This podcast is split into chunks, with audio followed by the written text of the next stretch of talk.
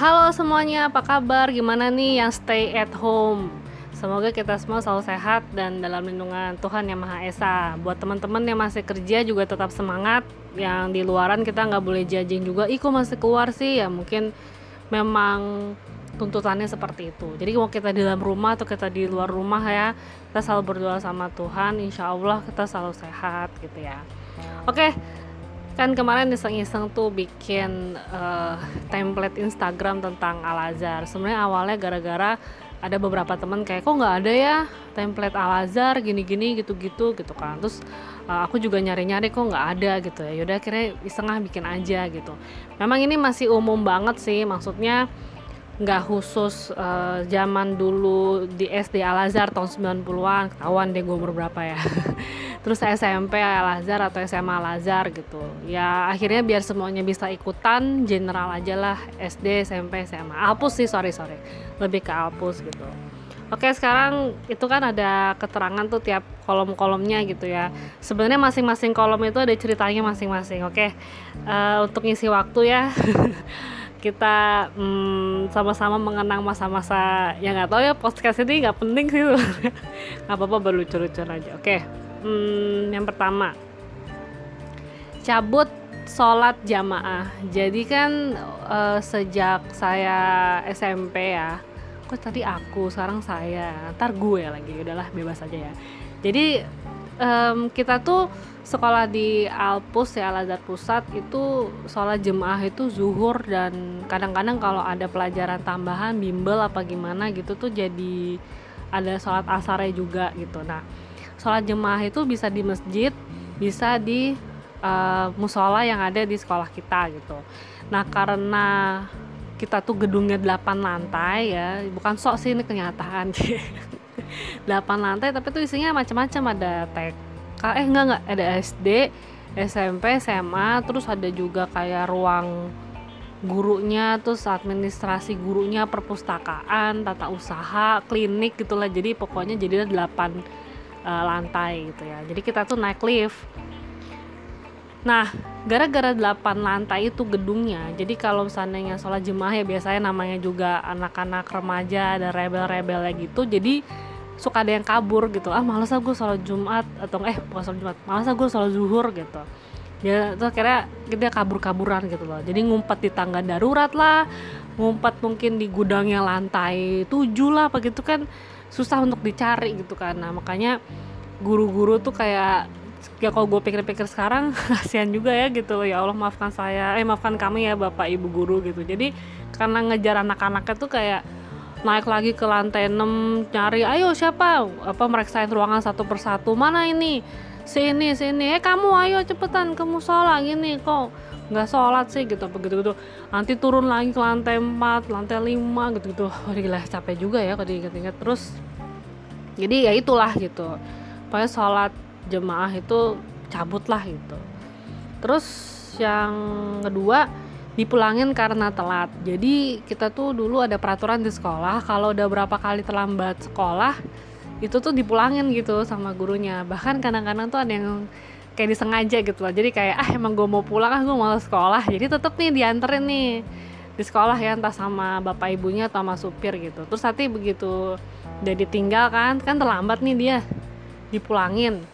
Ya udah terus dia bisa cabut bisa nongkrong di mana bisa ke bulungan ke mana lah gitu ya ke blok M gitu. Cuman kalau nggak salah berapa tahun kemudian jadinya ada peraturan baru gitu. Jadi kalau dipulangin itu anaknya tuh stay di sekolah sampai ada yang jemput gitu. Nggak salah kayak gitu deh. Tapi kayaknya nggak ngerti juga ya akhirnya juga kayak nggak jelas itu karena kalau nunggu nunggu ada yang jemput kan suka suka nggak ada yang jemput tuh akhirnya jadi gimana nggak ngerti juga sih. Maksudnya gini misalnya nih akhirnya ada peraturan baru yaudah takutnya anaknya kabur ke blok M segala macam. Udah kamu di sini aja. Tunggu sampai ada yang jemput. Tapi kan belum tentu supir di rumah atau bapak ibu kita yang tadi ngantar tuh bisa jemput kita lagi kan. Misalnya jam 9 pagi jam 8 pagi siapa tahu ngantor siapa tahu supirnya disuruh ngantar bapaknya ke kantor pas segala macem gitu kan. Jadi kayak nggak ngerti tuh akhirnya endingnya tuh kesepakatan guru tuh gimana mengenai anak yang terlambat. Nah kalau kita baru satu kali atau dua kali terlambat itu biasanya suruh ngaji aja di apa kayak di musola gitu ngaji satu juz apa berapa menit gitu aku lupa. Terus nanti yaudah udah udah ngaji. Udah bu udah pak gitu udah kamu boleh masuk kelas kayak gitu. Terus yang ketiga nongkrong di Sol. Jadi Sol itu adalah seorang apa ya pria ya ya seorang uh, ya pokoknya dia asik lah. Dia sebenarnya penjual minuman. Dia penjual minuman uh, apa namanya ya teh botol. Ya gue nyebut merek tinggal teh botol coca cola gitu-gitu deh aqua segala macam gitu. Nah dia tuh orangnya asik banget. Buat dicurhatin buat ngobrol boleh apa buat bercanda segala macam nah biasa sih di sampingnya. Si Sol itu kayak ada bangku sama meja panjang nah kadang-kadang kita nongkrong di situ terus ada yang main-main gitar ada yang duduk aja segala macem. Nah di samping soto ada sate padang jadi kita bisa beli sate padang. Terus ada juga bakso jadi kita bisa beli bakso gitu-gitu. Sebenarnya tempat nongkrongnya anak kampus tuh banyak sih spotnya nggak hanya di Sol ada yang namanya Sigit ada yang namanya Gondrong ada yang namanya Black ada yang namanya uh, gue lupa ya. Pokoknya yang gue inget tuh itu deh gitu Edi sebenarnya Edi juga roti bakar Edi gitu. Cuman uh, apa ya Sol itu tuh udah dari gue SD gitu loh. Jadi apa namanya waktu gue SD tuh dia udah dia suka bikin ini misalnya saya mau pesen teh botol gitu. Oh mau bentuk apa plastiknya. Dia mana dibentuk-bentuk tuh plastiknya ditarik-tarik tuh jadi kayak ada bentuknya bisa kayak ubur-ubur lah. Ada yang kayak apa namanya uh, jadi kayak selang es mambo gitu-gitu deh. Pokoknya tuh bentuknya unik-unik. Gue susah ngejelasinnya selang selang es mambo tuh apa lagi gitu. Jadi buat anak SD dia seru buat anak SMP dia seru, buat anak SMA juga untuk kayak, eh lo apa kabar lo, sol gitu-gitu, itu seru. Bahkan ketika gue misalnya waktu itu sempat kerja di kantor daerah Gatot Subroto gitu, terus gue mampir sebentar karena masih kepagian, eh sol apa kabar gitu. Dia masih ingat, eh lo anak Al Azhar ya gini-gini. Cuman dia biasanya mungkin memang hafalnya sama yang pentolan-pentolan sih. Ya bayangin aja ya dia udah belasan bahkan puluhan tahun kali di Al Azhar. Berarti kan yang dia inget kan namanya mungkin hanya pentolan-pentolan aja. Tapi kalau yang uh, apa namanya yang uh, muka-muka Al Azhar dia inget waktu kita sekolah dia inget nama kita. Cuman pas kita udah lulus kayak gini alumni gini ya dia hanya ingetnya beberapa kan kayak gitu. Ya semoga sehat terus ya untuk eh, pedagang-pedagang uh, yang ada di Alpus ya.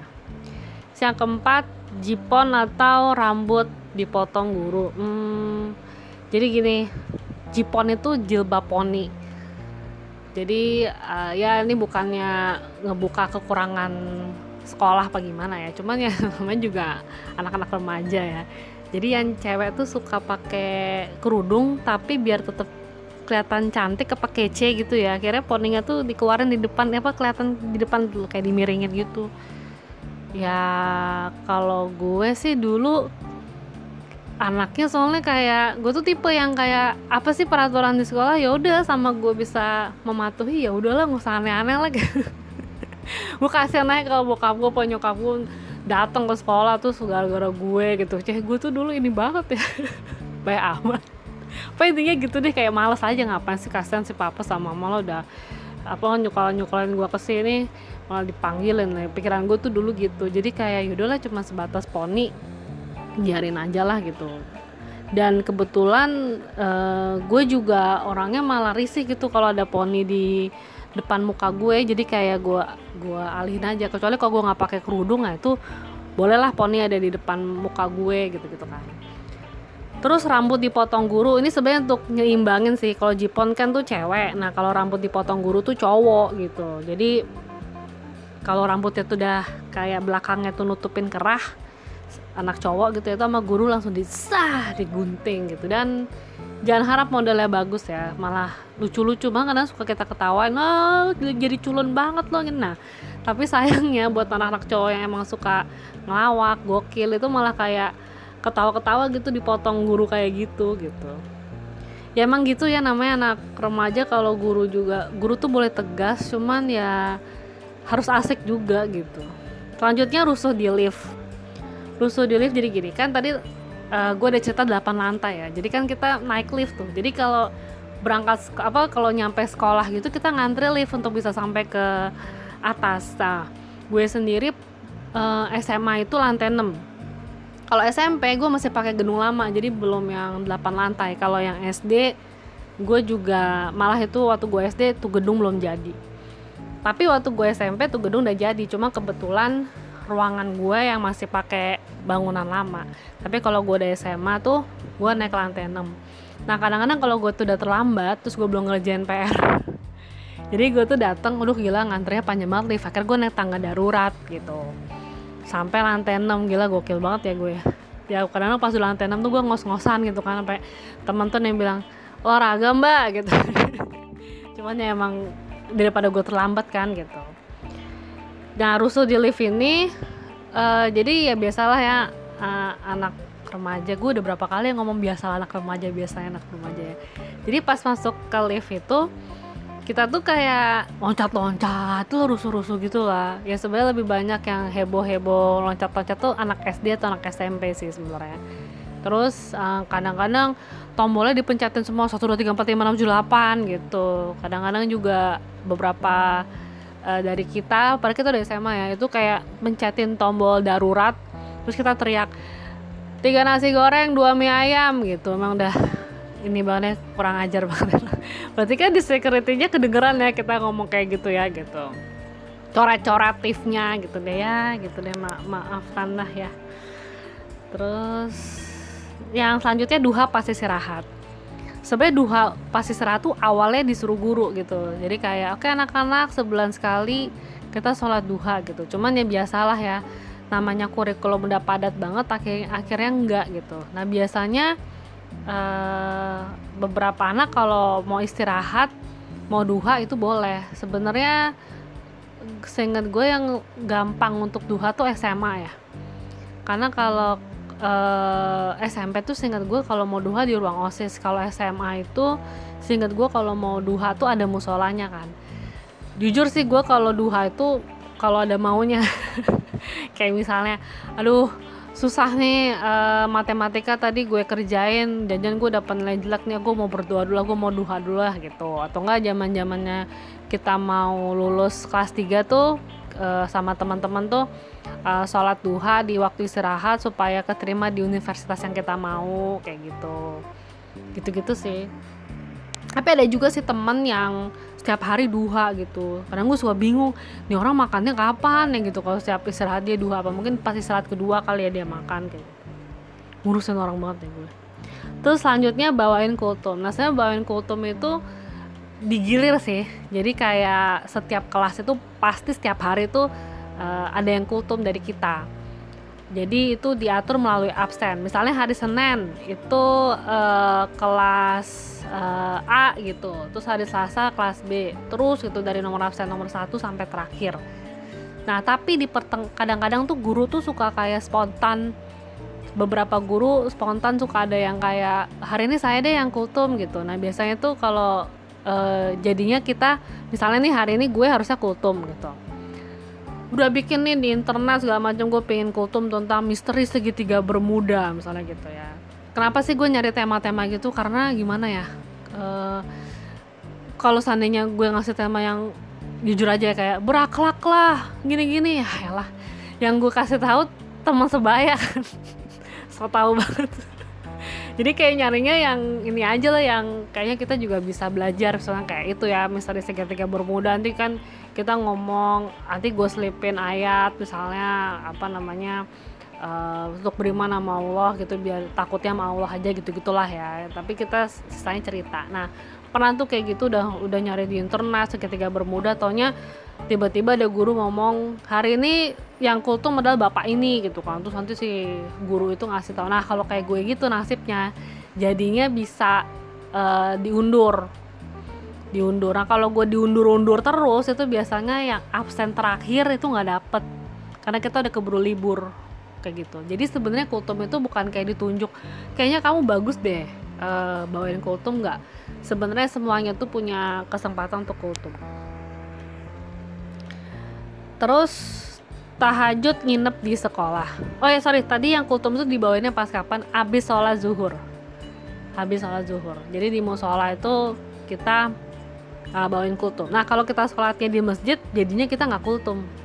Yang kultum soalnya eh yang kultum saya imam masjid kan. Kita barengan sholat zuhur kalau di masjid kan sama orang luar kan yang mau sholat di masjid al azhar gitu.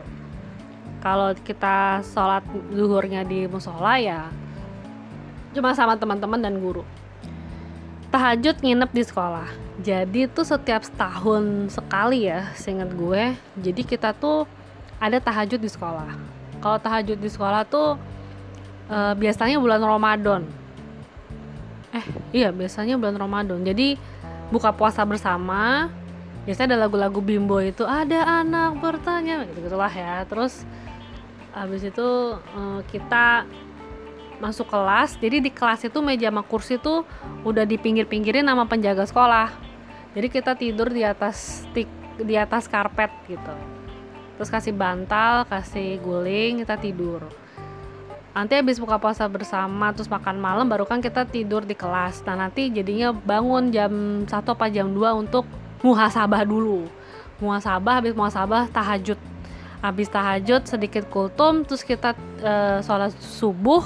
Habis sholat subuh baru kita tidur sebentar sampai jam 6 sampai eh terus habis sorry sorry sebelum subuh kita sahur bersama. Habis itu baru subuh terus habis subuh kita kayak tidur sebentar gitu sampai jam 6 atau jam 7 atau jam 8 gue lupa. Habis itu kita baru dijemput pagi-pagi sama ya orang tua atau sama kakak gitu sama supir gitu-gitu. Terus jadi tahajud di sekolah itu biasanya uh, kita nggak pakai untuk tidur. Ya iyalah kapan lagi kita bisa satu ruangan sama teman-teman tuh cerita-cerita kan. Ya udah akhirnya habis sholat isya udah makan kan. Kita eh, habis sholat raweh jadi kelas itu kita bukan tidur tapi ngobrol lah. Ngobrol main tawa ketawa nah itu biasanya eh, guru langsung buka pintu. Kalian nih tidur gitu. Awas ya kalau nanti bangun gitu. Nanti berapa menit kemudian kedengeran ada suara langkah kaki bu guru bu guru bu guru atau enggak pak ini pak ini gitu. Kita langsung oh enggak kalau kita cewek pasti guru doang bu ini bu ini datang gitu. Kita kira diam apa namanya pura-pura tidur kayak gitu. Dan pastinya cewek sama cowok dipisah lah ya guys ya. Nggak mungkin. Jadi satu kelas itu kita kita di ruangan kelas itu bisa barengan sama anak kelas lain tapi sama-sama cewek gitu. Ya kalau di kelas sana misalnya cowok ya semua cowok sangkatan di situ kayak gitu. Di beda-bedain ruangannya. Nah terus seragam cap Kurnia Jaya. Jadi gini uh, dulu tuh di koperasi kan jualan ya seragam kita gitu kan. Misalnya ada yang mau beli seragam gitu. Cuman jujur ya mahal harganya gitu. Jadi di Majestic itu ada KW-nya sama le, apa uh, ada KW-nya nah itu mereknya cap Kurnia Jaya gitu. Waktu itu gue lupa ya pertama kali gue beli cap Kurnia Jaya tuh kok nggak salah SD kelas 6 atau SMP gitu. Tuh nyokap gue bilang udah belinya di itu aja lah di Majestic Kurnia Jaya gitu kan. Uh, apa namanya minta labelnya sama koperasi.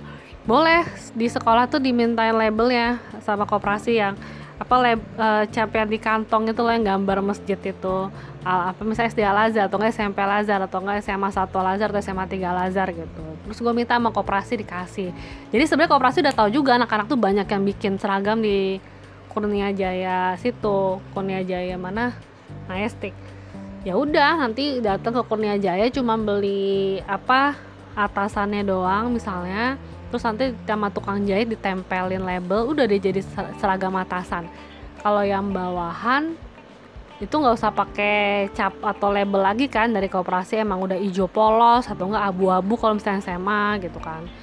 Uh, ya udah tinggal beli aja gitu. Dan itu tuh rata-rata Kurnia Jaya. Nah, waktu pertama kali gue ke sana kan gue sebenarnya agak sebel ya sama nyokap gue mah jangan.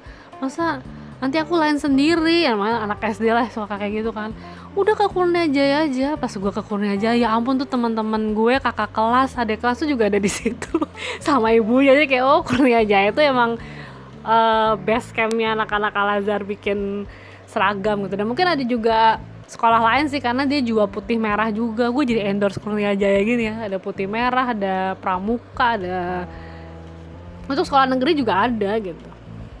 Terus tidur pas muasabah nah tadi kan gue udah cerita ya pas kita tahajud tuh sebelumnya tuh ada muasabah jadi kayak malam-malam muasabah tuh masih teman-teman yang beragama Islam tahu ya. Jadi kayak kita sebenarnya perenungan sih perenungan terhadap dosa-dosa dan kesalahan kita selama hidup gitu. Mulia sekali sebenarnya tujuannya. Cuman ya kita geblek-geblek gini ya sadeng-sadeng gini. Jadi di ruangan aula lantai 8 tuh ya gede banget aulanya gitu. Itu kosong kan apa melompong tuh e, ruangannya nggak ada apa meja kursi gitu nggak ada. Kita dikumpulin semua di situ sangkatan terus ditutup matanya lampunya dimatiin tuh dikasih lilin-lilin gitu sama guru. Terus kita disuruh merem suruh duduk bersila. Terus yang dipasang tuh lagu-lagu yang astagfirullah gitu-gitu deh gitu. Terus nanti ada guru agama atau guru siapa yang paling dramatis suaranya itu ngomong ingatlah kalian bahwa kalian hidup hanya sementara gitu-gitu. Terus nanti begitu kalian nanti pulang ke rumah di depan rumah kalian ada bendera kuning gitu misalnya. Ayah ibu kalian. Kayak gitu gitu kan. Ya sama ini membesarkan kalian. Telah dipanggil oleh Allah Subhanahu Wa Taala gitu gitu nah uh, ya anggap saja kami semua ini kurang ini ya kurang peka atau apa ya kita tuh. Jadi karena malam-malam terus disuruh merem gelap. Terus kadang-kadang kan guru tuh beberapa guru lain ada yang jalan di belakang kita terus astagfirullah gitu-gitu. Awalnya emang merenung sih aduh maafkan aku papa maafkan aku mama gitu. Terus uh, aduh aku banyak kesalahan nih gitu-gitu kan. Senang-senang mulu. Cuma karena itu lama ya dan berkali-kali kali ya maafkan kami ya bapak ibu guru saya lagi jadi lama-lama ngantuk gitu. Jadi mau uh, misalnya guru agamanya teriak lagi sekarang bayangkanlah kalian ada di uh, apa uh, alam kubur gitu. Jadi kita tuh duduknya bersila tapi kayak dijauhin gitu loh sama teman-teman lain. Jadi kan ruangannya gede. Jadi satu anak satu anak itu uh, apa namanya sendiri-sendiri duduknya. Kayaknya emang emang dijarakin. Jadi gue inget banget waktu gue tuh uh, matanya ditutup terus tangan gue yang kiri sama yang kanan tuh menggapai-gapai kayak sikap uh, sikap pesawat terbang itu kalau senam lantai. Itu teman gue yang tadinya di kiri sama kanan gue tuh udah nggak ada gitu. Jadi kayak emang dijarakin minggir minggir minggir. Gue juga disuruh dalam keadaan merem kayak minggir minggir minggir gitu. Terus kalau gue tangan gue ke depan juga yang duduk di depan gue tuh juga nggak ada. Jadi kayak emang udah dijarakin banget gitu loh. Jadi ceritanya kita lagi sendiri gitu loh di alam kubur ceritanya gitu. Nah gue berpikirnya waktu itu kayak ya Allah saya kan berusaha jadi anak baik misalnya gitu ya. Udah sholat udah tah, apa tahajud tadarus gitu gitu maksud sih ya Allah uh, sejahat ini ya itu pikiran anak remaja ya gitu. Ya jadi mau guru ngomong bayangkan kalian di neraka gitu-gitu waktu itu gue kayak aduh gue malah ngantuk gitu malah astagfirullahaladzim sih. Tapi lucunya begitu lampunya dinyalain kita dibuka ini terus tolol-tolol ya maaf kasar.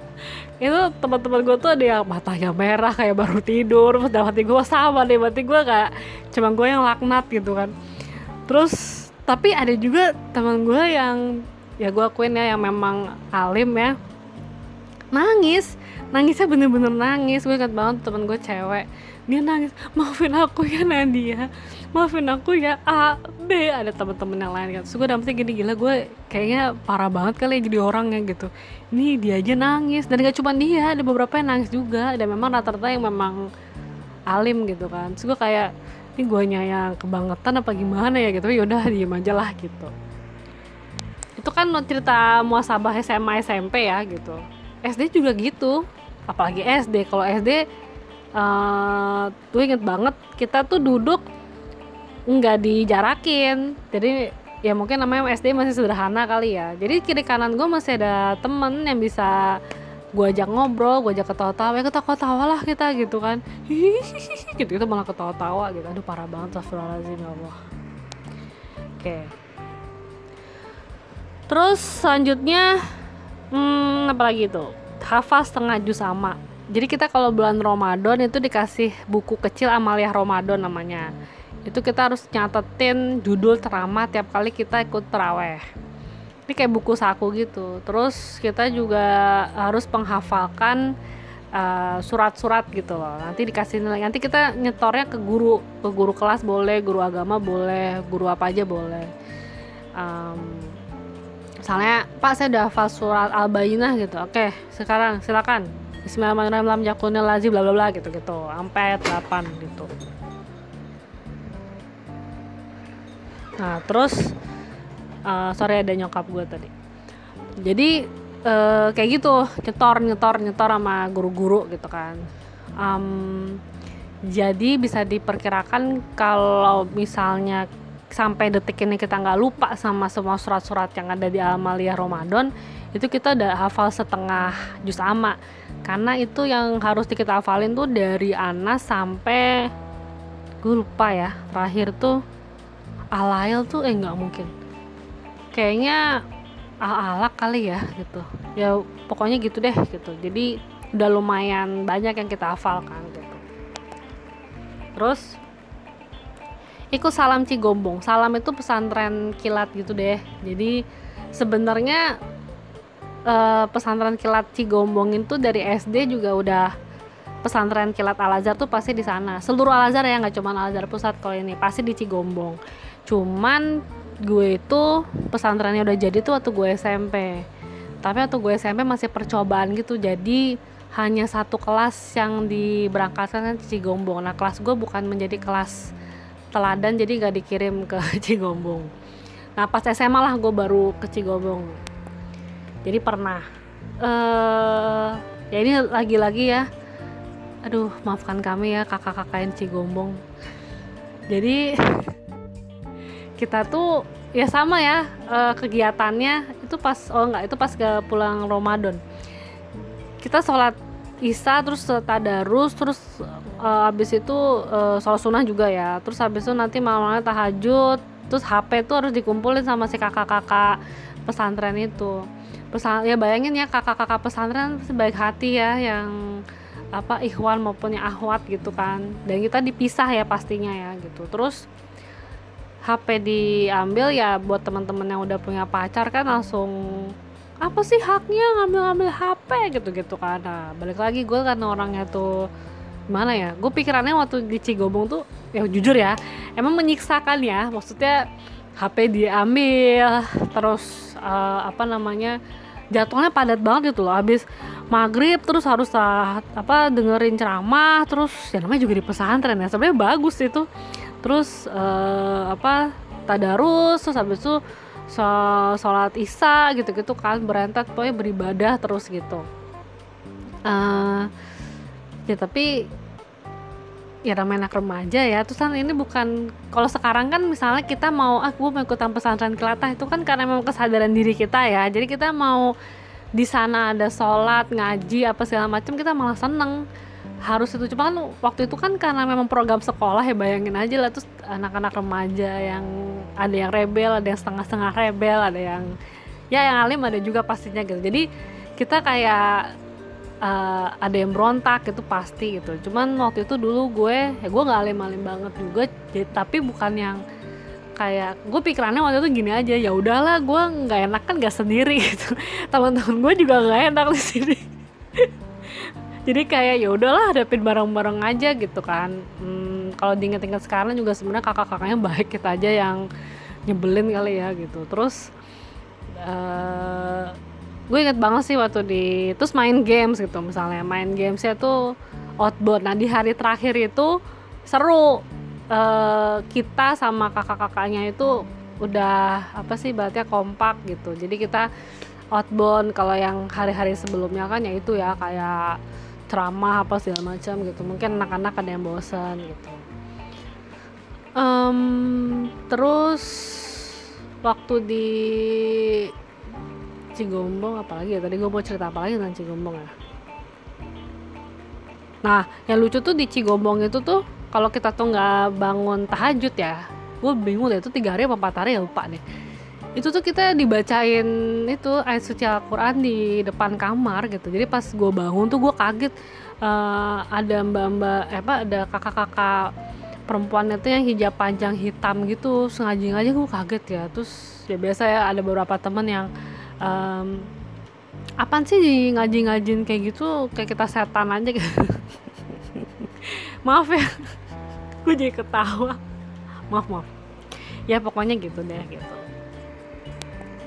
Ya tapi menurut gue sih sekarang kalau gue inget ya gue nggak menyalahkan uh, sistemnya pesantren nggak menyalahkan juga uh, anak-anaknya gitu. Ya memang kita semua berperilaku sebagaimana mestinya semua gitu. Maksudnya ya kita masih remaja dengan pengetahuan yang masih sedikit ya di kita berontak misalnya gitu. Kakak-kakaknya juga jadi kan pesantren mereka melakukan kewajiban yang sebenarnya memang disuruh sama program itu gitu. Lanjutnya punya jaket geng. Hmm, jadi dulu tuh kalau ada anak geng pasti kan di setiap sekolah tuh ada anak geng ya. Terus mereka kayak rame-rame gitu pakai jaket geng kayak gitu. Jadi kita kayak tahu eh si ini tuh geng ini ya cie. Udah keren banget kayak kalau pakai jaket tuh udah berasa yang punya sekolah gitu ya. Jalan pakai jaket gitu kan. Kalau gue boleh jujur um, yang paling gue inget dari SD SMP SMA yang punya jaket itu geng SMP sih. SMA juga ada jaket ya cuman yang paling heboh tuh emang gue akuin tuh adalah geng-geng SMP kekunci di tangga darurat nah jadi gini kita tuh ya tadi kan 8 lantai itu ya. Nah itu kan juga ada tangga daruratnya. Tapi tangga daruratnya itu nggak bisa dibuka dari dalam gitu. Jadi harus dibuka dari luar. Knopnya tuh didesain kayak gitu. Jadi kalau lo naik tangga darurat dari lantai 1 ke lantai 6 misalnya kayak gitu terus lo tuh ngetok-ngetok dulu berharap ada orang baik lagi lewat di luar terus bukain kita kayak gitu gue sering juga kok ngebukain gitu begitu gue buka misalnya penjaga sekolah lagi mau buang sampah gitu gitu atau enggak temen juga habis jajan misalnya gitu gitu. Nggak tahu ya didesain gitu mungkin biar anak-anak nggak ada yang bisa lari-lari gitu kalau apa yang kabur gitu-gitu kali ya. Karena ternyata tapi sempet ya abis gue kuliah tuh misalnya gue lewat tangga darurat misalnya gue ke gedung apa gitu ya di kampus apa gimana gue suka takut gitu loh kalau nggak bisa dibuka dari dalam. Ternyata ya nggak semua uh, tangga darurat itu pintunya didesain kayak gitu. Sampai terakhir beberapa bulan yang lalu gue ke perpustakaan nasional gue juga ada perasaan kayak gitu. Jadi ke bawah ya. Kalau gue naik tangga darurat gue takut gitu loh kalau ini bisa dibuka di dalam gak ya? Ternyata kan pintunya perpustakaan nasional bisa dibuka dari dalam gitu selanjutnya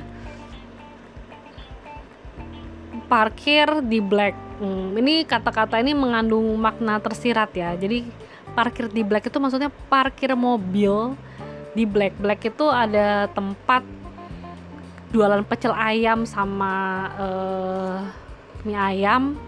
Gue juga nggak tahu ya namanya dia tuh black gitu. Kenapa dipanggil black? Itu mungkin uh, ada yang lain yang tahu ya di situ spotnya. Jadi kayak tadi si ini si Sol Black itu juga spot. Nah di situ tuh parkir mobil biasanya keren-keren tuh mobilnya parkir di situ semua gitu loh. Itu pasti anak-anak Al Azhar yang parkir di situ. Nah makna tersiratnya adalah ya kan namanya SD SMP SMA itu kan kita lulus juga umur 18 atau 17 tahun ya. Tapi yang punya tuh mobil bisa anak di bawah 17 tahun. Ada yang kelas 1, kelas 2 SMA, ada yang SMP gitu lah ya, gitulah ya gitu. Jadi kalau ada yang mencontreng parkir di black gue selain mobilnya keren-keren nggak tau deh simnya tuh berarti nembak apa gimana. Tapi bisa juga loh dia udah kelas 3 SMA emang udah 17 tahun parkir di situ gitu. Dulu tuh starter mobil aja nge nge nge nge gitu kan. Wah kayaknya mobilnya keren-keren banget tuh selanjutnya coret tipex di meja. Ini kebiasaan udah dari SD sih. Kalau misalnya bosan di kelas ya coret-coret aja di meja. Ya saya semua anak sekolah kayaknya kayak gitu ya. Terus ngisi kotak amal. Ya udah dari SD juga ya. Um, jadi setiap kelas punya kotak amal.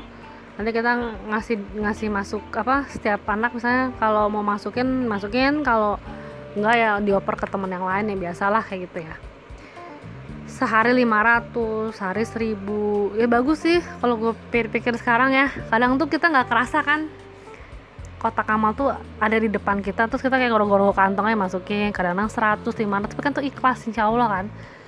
Uh, bagus sih kebiasaan kayak gitu. Naruh buku di locker. Ya namanya anak sekolah ya misalnya bosan apa bukan bosan misalnya aduh berat nih bukunya segala macam gue tinggal aja deh di locker gitu. Jadi kita tuh punya locker masing-masing kita kan sholat zuhurnya di sekolah jadi mukena atau peci atau sandal dan sarung itu kita taruh di locker. Sebenarnya kegunaannya locker tuh untuk itu untuk itu doang. Tapi beberapa orang karena mungkin keberatan bawa, bawa buku akhirnya dimasukin bukunya di locker. Biar besok kalau belajar ya eh, apa namanya dikeluarin lagi dari locker kayak gitu.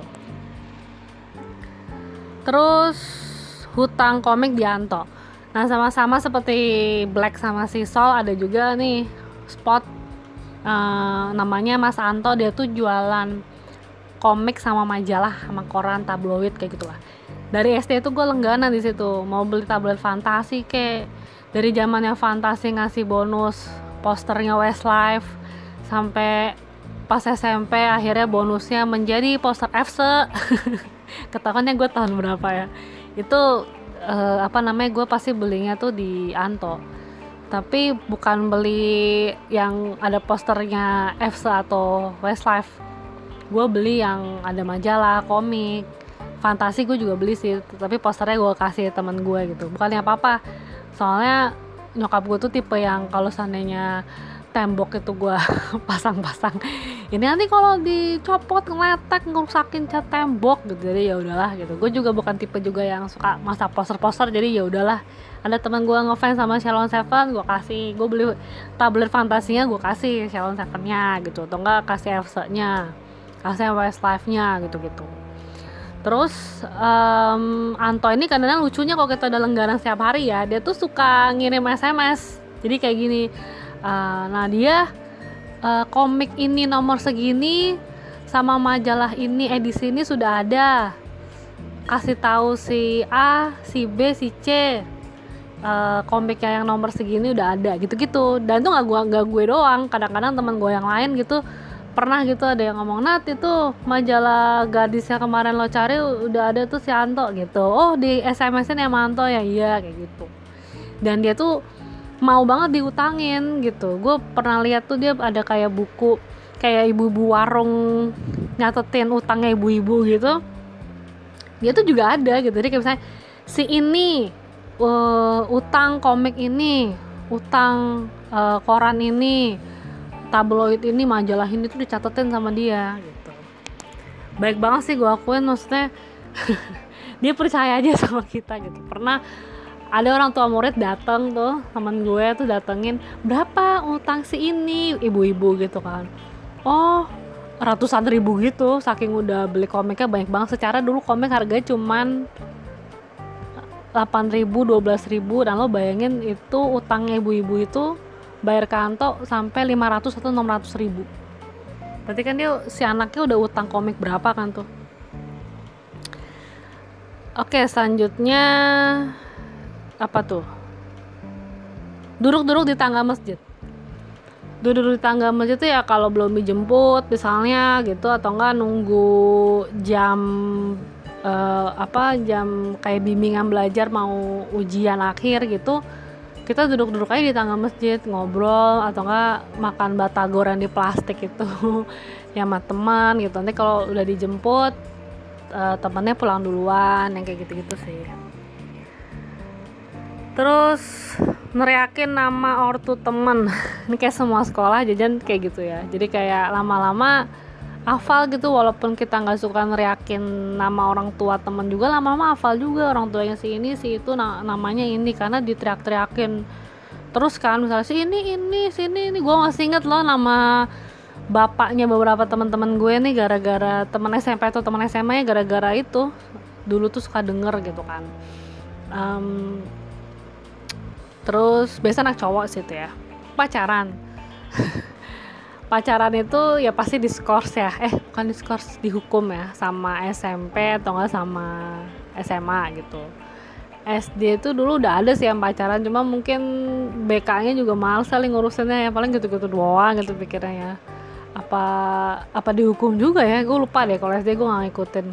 Cuman sebenarnya pada akhirnya menurut gue sih nggak ber nggak berjalan ya kalau nggak salah ya. Karena kadang-kadang juga ada yang nggak ngaku kan. Kayak misalnya uh, gimana BK bisa tahu gitu loh kalau emang ini orang pacaran gitu kan. Tinggal bilang aja oh udah putus bu. Oh udah putus pak. Udah. Ada sih beberapa yang dapat poin gitu. Terus disuruh putus hari itu misalnya. Tapi ya besok-besok lagi mana kita tahu kan putus itu karena kamu flase atau gimana gitu gitu cuma seingat gue sih pacaran di uh, sekolah tuh yang dihukum tuh yang emang bener-bener udah ada aksinya gitu. Kayak misalnya peluk-pelukan atau ciuman atau apalah kayak gitu. Itu baru yang dihukum. Nah ini maksudnya pacaran di timeline gue ini uh, pacaran yang sampai dihukum maupun yang pacaran biasa sih gitu. Ya sebenarnya kalau kayak HTS apa TTM gitu juga sebenarnya pacaran deh cuma namanya anak SMP gitu kan juga mungkin kayak udahlah kita deket aja gitu gitu hafal ibu-ibu jamiah. Jamiah itu sebenarnya kayak orang perwakilan orang tua murid gitu. Nah biasanya di Al Azhar tuh ibu-ibu banyaknya. Nah uh, temen teman-teman kita yang ibunya jamiah itu pasti jadi keikut terkenal gitu loh. Karena kan pasti misalnya kita tour apa uh, kayak study tour kan guru dibantu sama jamiah tuh anak-anak dibagiin makan siang kotak apa nasi kotak atau gimana. Itu kan ibunya si A ibunya si B tuh yang terlibat. Nah kita kan jadinya ingat oh ini kan ibunya si A ini kan ibunya si B gitu ibunya si C gitu. Jadi teman-teman kita ibunya jamiah tuh kayak lupa eksis gitu loh. Nah ibu gue sendiri gak jamiah karena uh, nyokap gue kerja di kantor. Tapi ada juga sih ibu jamiah yang kantoran. Sebenarnya ya akhirnya ya itu ya uh, mau aktif atau enggaknya gitu. Dan kalau ibu-ibu jamiah itu uh, lucunya itu jadinya ya balik lagi ke yang kata-kata orang tua tadi. Di satu sisi positifnya anak-anak yang ibunya jamiah jadi dia terkenal ya tapi kekurangannya ya jadi dikatain misalnya sama teman-teman yang lain karena teman-teman yang lain kan tahu nama ibunya dia siapa gitu. Terus habis itu nyeker ke masjid. Nah kita sebenarnya harus punya sendal kan kalau kita uh, mau sholat gitu. Uh, jadi kalau kita sandalnya putus apa sandalnya lupa dibawa atau gimana akhirnya kita nyeker gitu loh. Dari kelas sampai ke masjid kita nyeker ini jorok banget sih sebenarnya karena kalau kita udah wudhu di sekolah kan jadinya kotor sebenarnya ya karpet masjidnya ya. Dan minta maaf ya sama yang bersihin masjid. Terus hafal Mars Al Azhar. Jadi Al Azhar tuh punya lagu kayak Marsnya gitu. Yang Al Azhar Al Azhar. Uh, terus gue tuh kalau bareng-bareng hafal. Tapi kalau lagi sendiri kayak gini gue lupa ayo kita dukung cita-citanya gitu-gitu ya. Hmm, gitu deh lagunya nah gue maaf ya Lazar aku tidak hafal. Maaf maaf sekali. Ya sekian dulu beberapa uh, apa namanya yang bisa saya share di template Instagram. Tadi ada beberapa teman juga yang komen itu apa mengendap-endap di tangga darurat terus diket apa terus di terus ketahuan sama satpam gitu. Atau ada juga. Jadi kayak misalnya kita kabur nih ah uh, bosan nih belajar tuh nggak bosan nih uh, apa namanya mau kabur sholat. Yaudah deh naik tangga darurat ngumpet di lantai 8 atau enggak di apa di rooftop gitu ya. Terus habis itu uh, sama sama satpam dihalang-halangin ya mau ke mana ini? Gitu. Tapi seingat gue waktu gue SMA kayak rooftop itu udah kayak mungkin gue salah ya tapi kayak iya deh. Kayak ditutup gitu.